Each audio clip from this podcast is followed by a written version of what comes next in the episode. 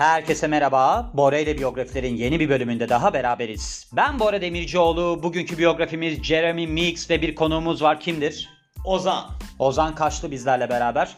Ozan şöyle, benim kendisi ukulele hocam. Aynı zamanda benim öğrencim de. Nerede öğrencim? Çünkü benim aslında spor sınıfıma geliyordu. Devamında bizde bir arkadaşlık gelişti. Çünkü ben kendimde şöyle bir şey düşünüyorum. Bora diyorum sen galiba özel insanları keşfedebiliyorsun.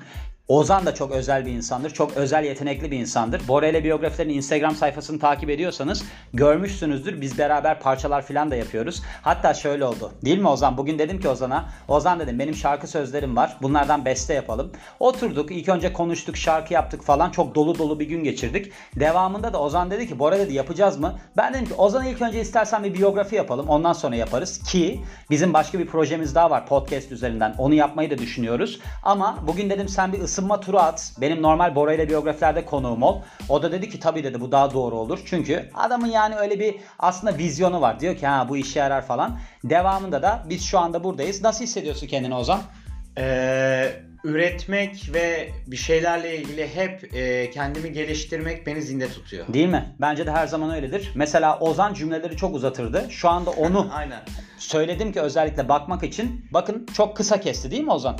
Ee, bu beni aslında daha az yoruyor. Çünkü e, komplike düşünmek yerine basit düşünmeyi hayatımın e, prensibi haline getirmek istiyorum. Evet. Ben de ilk başlarda inanır mısın ilk 3 bölüm ya da 4 bölümde böyle ığlar mığlar vardı benim konuşmamda. Şimdi gördüğün gibi makineli tüfek gibi konuşuyorum. Hatta farklı olarak ben Bora ile biyografilerin ilk bölümlerinde yazardım Türkçe. Oradan okurdum. Ona rağmen dinliyorum. Diyorum ki ya ben bu yazdığımı mı okuyamıyormuşum yani. Gördüğün gibi şu anda karşımda İngilizce bir makale var. İngilizce bir biyografi var. Ve ben buradan direkt olarak çevireceğim yani. İngilizceden direkt Türkçe'ye çevireceğim.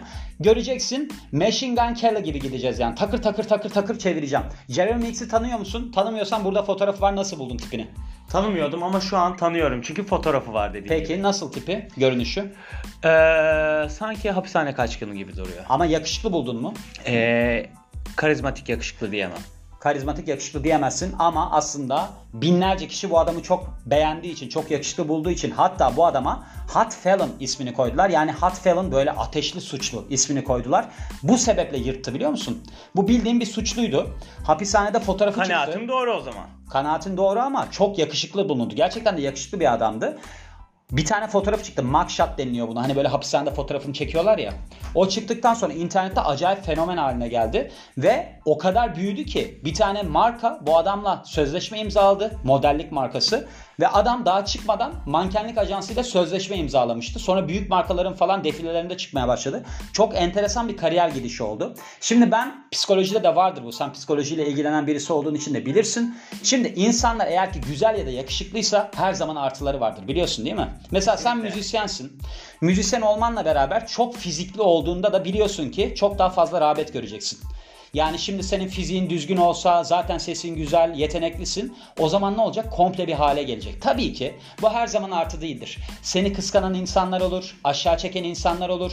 Özellikle Türkiye'deysen ne olur? Kesinlikle aşağı çekilirsin. Ama bir yandan da sen eğer ki o çıtayı atlarsan o zaman ne olacak? Sen yükseleceksin. Yükseleceksin, uçup gideceksin. O artı olacak. Ama ben her zaman şunu düşünüyorum. Görsellik çok önemlidir. Bunda bence kimse tersini söyleyemez de sen ne düşünüyorsun onu merak ettim. Ne düşünüyorsun? Ee, görsellik çok önemli bence. Ben görselliğe çok dikkat etmeyen bir insanken biraz daha zihinsel bir insanken aslında beden farkındalığına yeni ulaşan bir insan. Nasıl konuşuyor Ozan ama? Çok enteresan bir Türkçesi yok mu? Mesela kelimeler enteresan, gidişte o eke uymayan bir yapı var.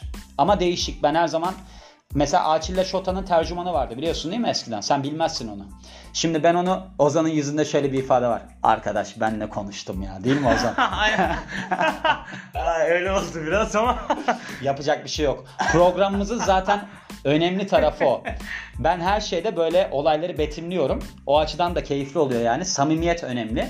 Ama şu var. ileride bunlar gelişiyor her zaman. Hiçbir zaman unutma. Onun için biz gelelim şimdi Jeremy Meeks'e. Şöyle bir durum var. Demin de bahsettiğim gibi bu adam aslında bir suçlu. Bildiğin saf suçlu yani. Ve Kaliforniyalı bir çete var. Creeps adında. Bunun bir üyesi geçmişte. Ve aslında hüküm giymiş de bu suçlu. Ama bu adamın da kaderi yok arkadaş. Neden biliyor musun? Ailesinde böyle bir suç tarihi var. Mesela işte anne babası eroinman. Hatta kendisine eroin bebeği diyormuş bu adam. Yani böyle durumlar vardır ya mesela anne babası acayip eroin krizindeyken bir cinsellik yaşarlar ve bir çocuk dünyaya gelir. Amerikan rüyası gibi. Amerikan rüyasının olumsuzu gibi. Amerikan rüyası genelde olumlu sonuçlanıyor ya. Hani ben böyle başardım, şöyle başardım filan dersin. Bu adamın hiç öyle bir kaderi olmamış. Eroinman bir anne babanın çocuğu olarak dünyaya gelmiş. Mesela birazdan babasından bahsedeceğim. Babası acayip psikopat bir adammış. Yani zannedersem 45 sene hapse falan mahkum edilmiş. Annesi, Wow. kardeşleri hepsi suçlu. E bu adam ne yapsın şimdi? Hani doğduğun ev kaderindir gibi bir durum var ya. Bu adam çok yakışıklı bir adam olmasına rağmen gayet berbat Bence bir ortam. karizmatik. İşte karizmatik senin gözünde. Bir erkek gözüyle karizmatik, kadın gözüyle karizmatik ve yakışıklı diyebiliriz. Onun için de yapabileceği bir şey yoktu. Şöyle. Şimdi Jeremy Meeks aslında suç dünyasına bulaştığında daha ergenlik yıllarında ve pek çok işte böyle bir çete şiddetinin içerisinde yer alıyor, soygunda yer alıyor, işte ateşli silah bulundurmaktan hüküm giyiyor ve kendisi sonrasında açıklamış demiş ki ben aslında hayatımın 10,5 senesini hapse girip çıkmayla geçirdim. Bununla beraber 2014 yılında demin de bahsettiğim gibi bir suçlu fotoğrafı yani mugshot'ı çekiliyor ve bundan sonra da ki bu fotoğrafı çekildiğinde de böyle bir işte hırsızlıktan ve de illegal silah bulundurmaktan hüküm giymiş. Ardından ne oluyor bu fotoğrafla beraber internette acayip popüler oluyor ve hayatı tam anlamıyla bir dönüşüm geçiriyor. Bu durumdan faydalanıyor ve hayat tarzını çok ileriye doğru yönlendiriyor. Ailesinin de desteğiyle ki ailesinin desteği şöyle. Annesi bu adamın bir kefaret parası belirleniyor. Birazdan bahsederim ne kadar olduğunu. Bakıyor ki bu adam böyle çok yakışıklı falan bulundu. Diyor ki ben diyor bunu fonlamayla internet üzerinden sağlarım ve o parayı buluyorlar. Parayı bulduktan sonra işte bu yargıç da sempatik davranıyor. Çünkü neden? Aslında popülerlik çok önemlidir. Biliyorsun popülerlik çok Her önemli bir yerde şey. önemli. Bunu önceden de konuştuk. E, popülerliğin e, çevresi değil, e, sayısı değil, nerede olduğunla alakalı bir şeyle. Evet kesinlikle. Bence. Sen Boys diye bir dizi var biliyor musun? Bilmiyorum ama bence sen biraz anlatırsan biraz öğrenebilirim. Evet şöyle Boys diye bir tane dizi var bu şeyde neydi Amazon Prime'da. Orada işte süper kahramanlar var ama süper kahraman kötü yani böyle çok iyi bir dizidir. Orada bir tane işte karakter var o şey der. Popülerliği kullanman lazım çünkü bunlar süper kahraman oldukları için Instagram hesapları falan o evrende çok fazla takipçi alan hesaplar. Diyor ki bir tane yeni gelen ekibe gelen kıza diyor ki popülerliği kullanman lazım. Popülerlik bir güçtür. Gerçekten de kesinlikle bence de popülerlik bir güçtür. Ben her zaman uzak kalmayı tercih ettim. Mesela popüler olmamak filan istedim. Uzak kalsan da popüler olduğunu e, inkar edemezsin. Yani oluyorsun ama şu var ben önceden istemiyordum ve mesela Instagram'la falan hiç ilgilenmezdim. Derdim ki ya ne olacak benim 100 takipçim olsa ne olur 200 takipçim olsa ne olur. Ama şimdi ben antrenörüm işte biliyorsun fitness nutrition uzmanıyım. Şu anda benim takipçi sayım arttığı için işte bana ders paralarının fiyatı da arttı, insanların yaklaşımı da arttı. Ama aslında ben temelde aynı insanım. Ama insanlar değiştiler bana karşı bakış olarak. Ama temelde aynı insanım. Anladım ki popüler olmak gerekiyor. Bu adam da popüler olması sayesinde çıktı. Hatta ki mesela Jim Jordan isminde bir moda dünyasında isim adam var. Bu adam diyor ki ben diyor bu adamın diyor kariyerini şekillendireceğim. Böyle bir hani modellik falan kariyeri başlıyor ya.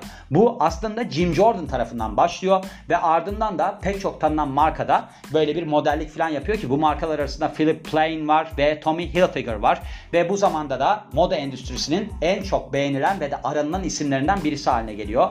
Kısaca bakarsak doğum tarihine 7 Şubat 1984 doğumlu Tacoma, Washington, Amerika doğumlu ve boyu 1.83. İdeal erkek boyunu ben Borel'e biyografilerde 1.80 olarak alıyorum. Neden sence? Neden ideal erkek boyunu ben 1.80 olarak alıyorumdur? E, dünyada ya da Türkiye'de ortalama bir standartı olduğu için. Yok. Benim boyum 1.80 onun için. Çok iyi. o sebeple öyle karar verdim. Ve Her şeyi kendine göre mi standart alıyorsun? Borel'e biyografiler. Yani ne yapmalıyım? Mesela Brad Pitt'in boyu da 1.80. Diyorum ki Brad Pitt çok yakışıklı bir adam. Bir de şey vardı. Ben mesela bu şey Leonardo da Vinci'nin sergisi olmuştu. Orada onun böyle bir altın oran şeyi vardı vücut olarak. Ben önüne geçtim böyle kolumu bacaklarımı açtım. Tam ona uygundum yani. Birebir yapmışlar onu. Herkes böyle şaşırdı. Dedim ki demek ki benim proporsiyonum da çok düzgün. 1.80 boyundayım. Kolumun bacağımın oranı falan da Leonardo da Vinci'nin çizdiği gibi. Sonra ben bir ilham aldım buradan. Bunu ben taşıdım sonra Borel'e biyografilere. Artık 1.80 ideal erkek boyu. Kadın kaç sor. 1.65. Yok 1.70. Onda O zaman 1.70 eski aldım. sevgilinle alakalı. Yo hayır. Kadında da böyle düz rakam olsun istedim yani. 1.70 1.80. Yani öyle bir durumum var. Ve çocukluğuna dönersek demin doğum tarihinden bahsettiğim için bir daha bahsetmiyorum. Anne babasından da bahsetmiştim. Eroin bağımlısı olduklarından. Ondan da bahsetmiyorum. İki tane kız kardeş var. Bir de erkek kardeşi var ki bunların hepsi suçla iç içe isimler. Ve daha 9 aylıkken bak babasının şimdi suç geçmişine gidiyoruz. Babası genç bir kadını 36 kez bıçaklayarak öldürüyor ve ardından da boğuyor. Ruh hastasına bakar mısın? 36 kez bıçaklıyor. Bu adamın babası. Bu adamın babası. Wow. Evet. Ve devamlı da boğuyor. Düşün. İnanılmaz. Evet. Bunun sonunda da yakalanmıyor. Başka bir kadına da tecavüz ediyor. 1984 yılında yakalanıyor ve 45 yıl hapse mahkum oluyor. Böyle bir ailesi var yani. Annesi de suç geçmiş olan bir kadın birkaç kez hapse girip çıkıyor. 6. sınıftayken Washington'ı terk ediyor. Los Angeles, Kaliforniya'ya taşınıyor ve burada da çocukluk zamanları yani böyle son derece sorunlu geçiyor.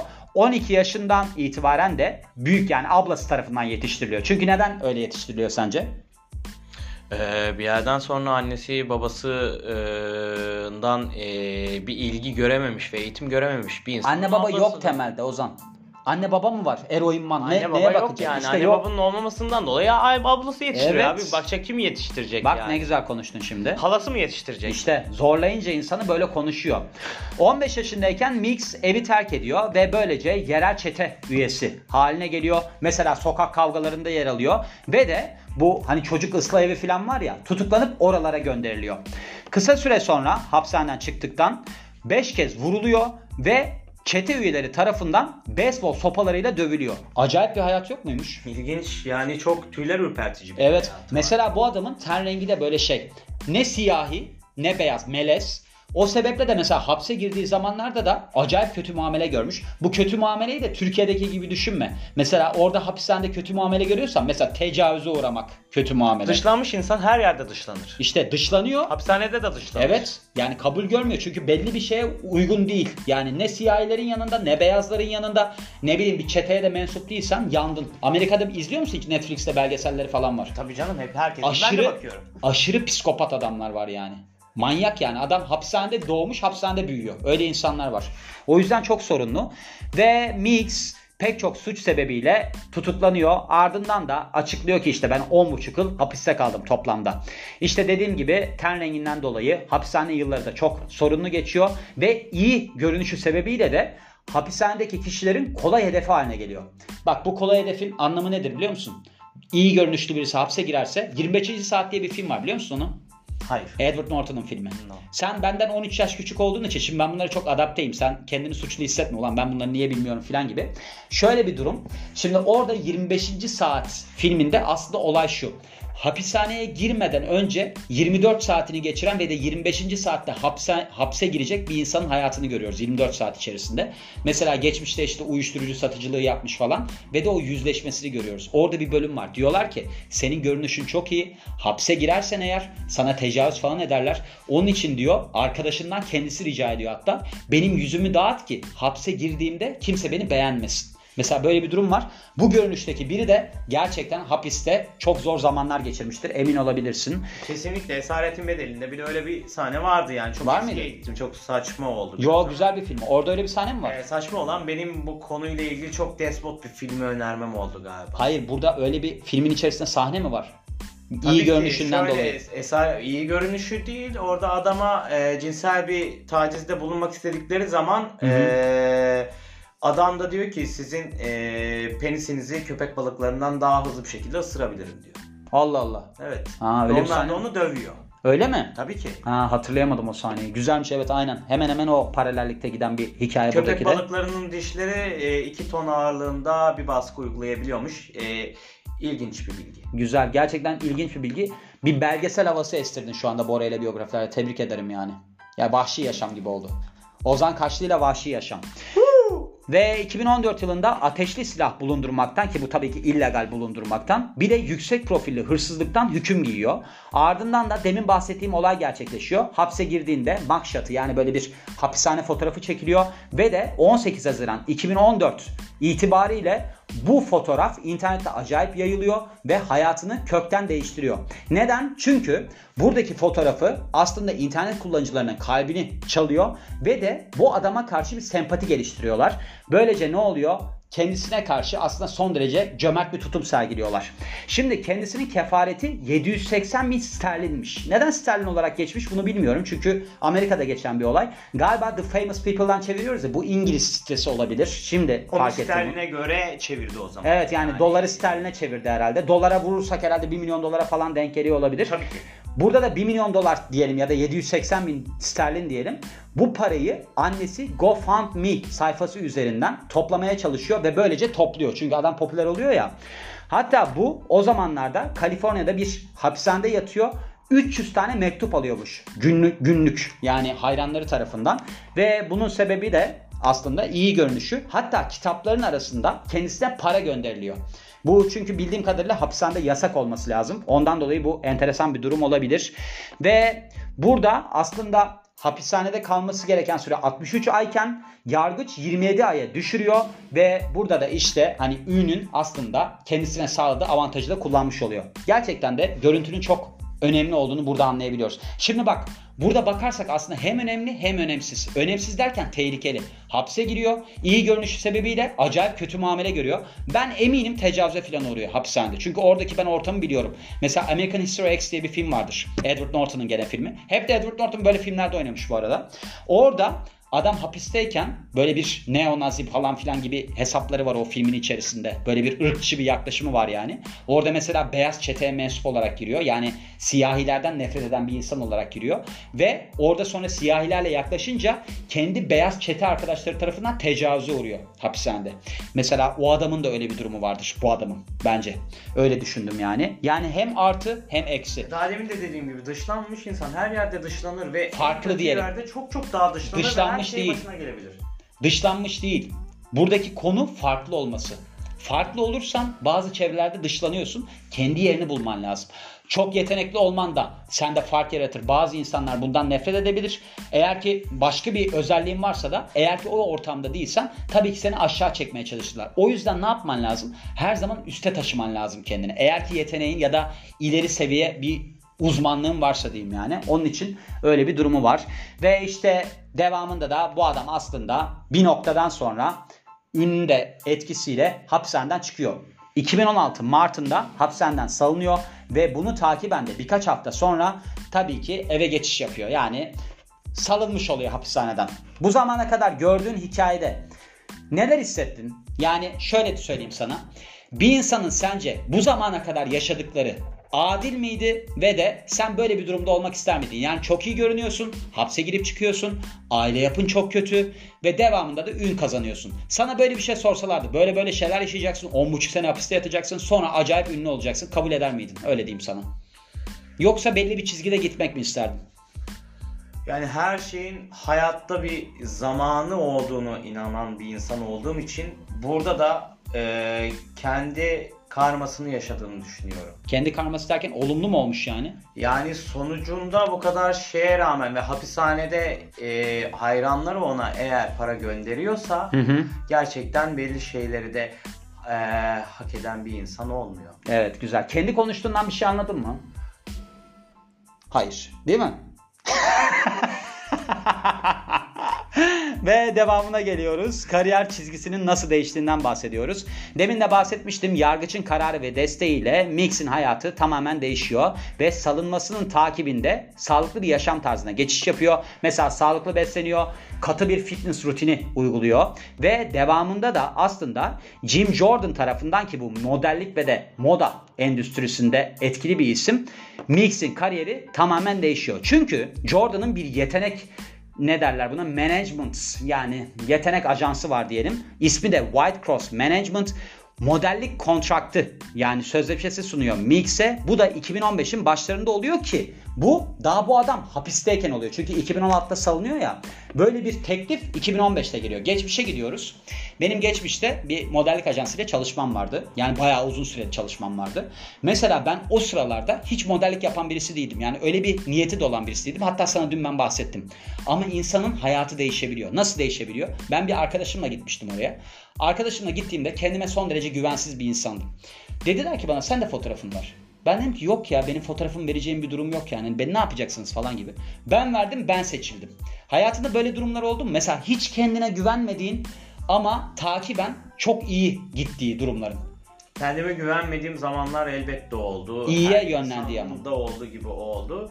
İyiye yönlendirmesi konusunda aslında bazen kendime güvenmediğim zamanlarda bile içimdeki bir içgüdüsellik ya da bir his beni ona yönlendirip bildiğimi dışarı çıkarmamı sağlıyor gibi. Kendine güveniyorsun yani özünde.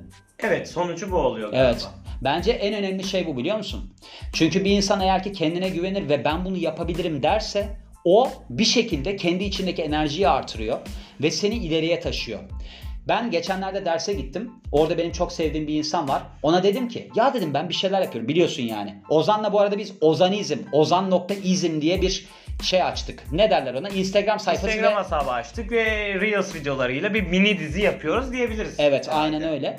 Dedim ki ya dedim neyi başlatsam o kadına çok iyi gidiyor. Yani benim enerjim herhalde yüksek ve de bana bir enerji yardım ediyor dedim. O da dedi ki Bora dedi sana yardım eden senin kendi enerjin. Çünkü senin enerjin yüksek olduğu için. Kesinlikle ve kesinlikle. Evet. O işte ileriye taşıyor insanı. Şimdi sen diyorsun ya ben kendime inanıyorum. İşte bu senin kendine inancın aslında seni ileriye taşıyacak. Şu anda sen mesela bu podcast yaparken çok geriliyorsun ya ben yüzünden de anlıyorum, hareketlerinden de anlıyorum. Ama senin bu ilk defa yaptığın Aslında bir şey. gerilmenin dışında da hiperaktif bir insan olduğumu da anlıyorsun. Ben de hiperaktifim. Ama ben işte kendime eğittim. Bu nokta önemli. İnsanın geçtiği o süreç önemli. O süreçte gerçekten çok bence insan kendine bir şeyler katabiliyor diyerek yine dönüyoruz karakterimize. Jeremy Meeks'e dönüyoruz yani. Ne yapmıştık? En son nerede kalmıştık? Hapishanedeyken sözleşme imzalamıştı. Ve de 2017 Şubat'ında Philip Plein için bir modellik yapıyor. İlk defa da New York Moda Haftası'nda podyuma çıkıyor. Bunu takiben Buff Bad Boy olarak yani böyle bir kötü çocuk olarak, sert kötü çocuk olarak endüstride, moda endüstrisinde adlandırılıyor ve de Vogue'da yer alıyor. Vogue'da biliyorsun moda dergisi yani.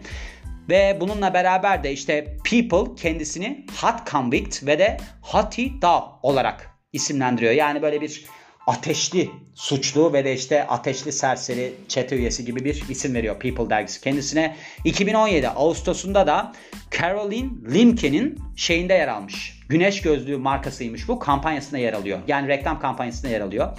Gerçekten acayip bir kariyer yalnız. Ben öyle düşünüyorum. Şimdi burada pek çok şeyde yer alıyor. Hani ne derler işte şu işte yer almış bu işte yer almış diye. Ama kendisi bir tane Alman firmayla sözleşme imzalıyor. 2019'un ortalarında Fashion Concept GmbH isminde. Burada da diyorlar ki burada aldığı ücret 15 milyon dolar. Acayip değil mi? Ha, inanılmaz. Yani suçlu birisi için 15 milyon dolar. Bir de sürekli olarak kendisine şey teklifi geliyormuş. Gel diyorlarmış sen bizim reality TV şovumuzda yer al. Hani var ya Keeping Up With Kardashians bilmem ne. Reality show'da yer al diye Bunlar teklifler hapisten geliyormuş. çıktıktan sonra oluyor. Tabii tabii öyle oluyor. Bu aslında bak ben mesela Bob Marley biyografisi yaptım. işte Jimi Hendrix biyografisi falan yaptım. Şimdi bu insanlar bir sürü zaman geçiriyorlar. Mesela 10-15 sene işte müzik yapmaya çalışıyorlar bir şeyler oluyor. Patladıkları zaman ne zaman oluyor biliyor musun? Mesela ölmeden 4 sene önce acayip meşhur oluyorlar. Bizim hatırladığımız zamanlar genellikle 4 senelik zaman biliyor musun? Mesela bu adam da 2016'da hapishaneden çıkıyor. 2015'te hapisteyken sözleşme imzalıyor. 2000 kaçtı o? 2019'un ortasında 15 milyon dolarlık sözleşme imzalıyor. Mesela Mario Puzo baba kitabını yazdığında 42 yaşında. Aile ümidi kesiyor. Diyor ki senden bir şey olmaz. Yazacaksan ne yazıyorsan yaz. Ondan sonra 42 yaşında yazıyor. 43 yaşında 10 milyon dolar kazanıyor.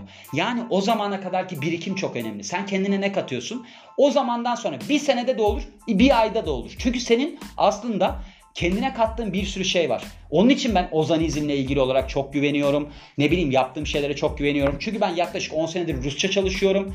20 senedir İngilizce çalışıyorum. İşte ben şu anda 1000 bölüm podcast yaptım. Şimdi bir şey tutsa tesadüf mü olacak? Tesadüf değil. Yani 2024 yılında mesela ben süperstar olsam, çok ünlü olsam şey mi diyeceksin? Adam bir senede olmuş ya. Öyle değil ki. Bir Hayır. senede tanınmışsın. Onun için bunlara ben hep dikkat kendi ediyorum. şansını, kendi enerjini, Öyle. daha demin de benim üzerimden hani konuşmayı anlattığın zaman kendin yarattın. Bunlar tesadüf değil ama tesadüfün de zaten bir matematiği var. Evet bence de tesadüfler yoktur. Yine çok iyi bağladım ama. Güzel söyledin, evet. şekilde Evet. bağladım. İyi bağladım. Dikkat Demek ki sen- bir yerde ama. Sigara içince iyi konuşabiliyorsun. Kulağının Ee, arkasından yanan sigara tak istersen sen konuşurken. En azından bir motivasyon olur. Abi- Saçın yanar ama olsun. o güzeldi. Ee, denerim belki. Mustafa'ya yaptırırım. Bakalım. E, en azından dijital elektronik sigara takarsan saçın da yanmaz diyoruz ve aile yaşamına geliyoruz. Kendisinin kız kardeşi Carmella ve erkek kardeşi Emery'nin de böyle bir suç kayıtları var. 2008 yılında Melissa ile evleniyor ve bu kadının üvey oğluna da baba oluyor. İsmi de Robert'mış. Melissa'nın önceki ilişkisinden olan çocuğu yani. Meeks ve Melissa kendi çocuklarını da dünyaya getiriyorlar. Jeremy Jr. isminde. Şöyle olmuş. Chloe ile tanıştı deniliyor. Cannes Film Festivali'nde Fransa'da 2017 Mayıs'ında. Bu Chloe de kim biliyor musun? Böyle Sir Philip Green diye bir adam vardı. Bunun kızı. Bu adam aslında bir milyarderdi. Bu da onun varisi. Bu kız böyle Top Shop gibi markaların da aslında sahibi. Arcadia grubun sahibi bu. Acayip zengin birisi yani. Bu böyle olay olmuştu. Hani kadınla beraber olması bu adam gibi bir insan için çok büyük avantaj. Çünkü kadın aşırı derecede zengin. Öyle bir durumu oluyor. Hatta şöyle olmuş.